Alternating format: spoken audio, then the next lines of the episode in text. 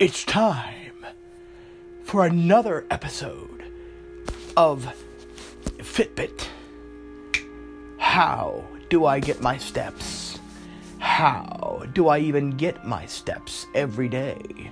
Find out with me,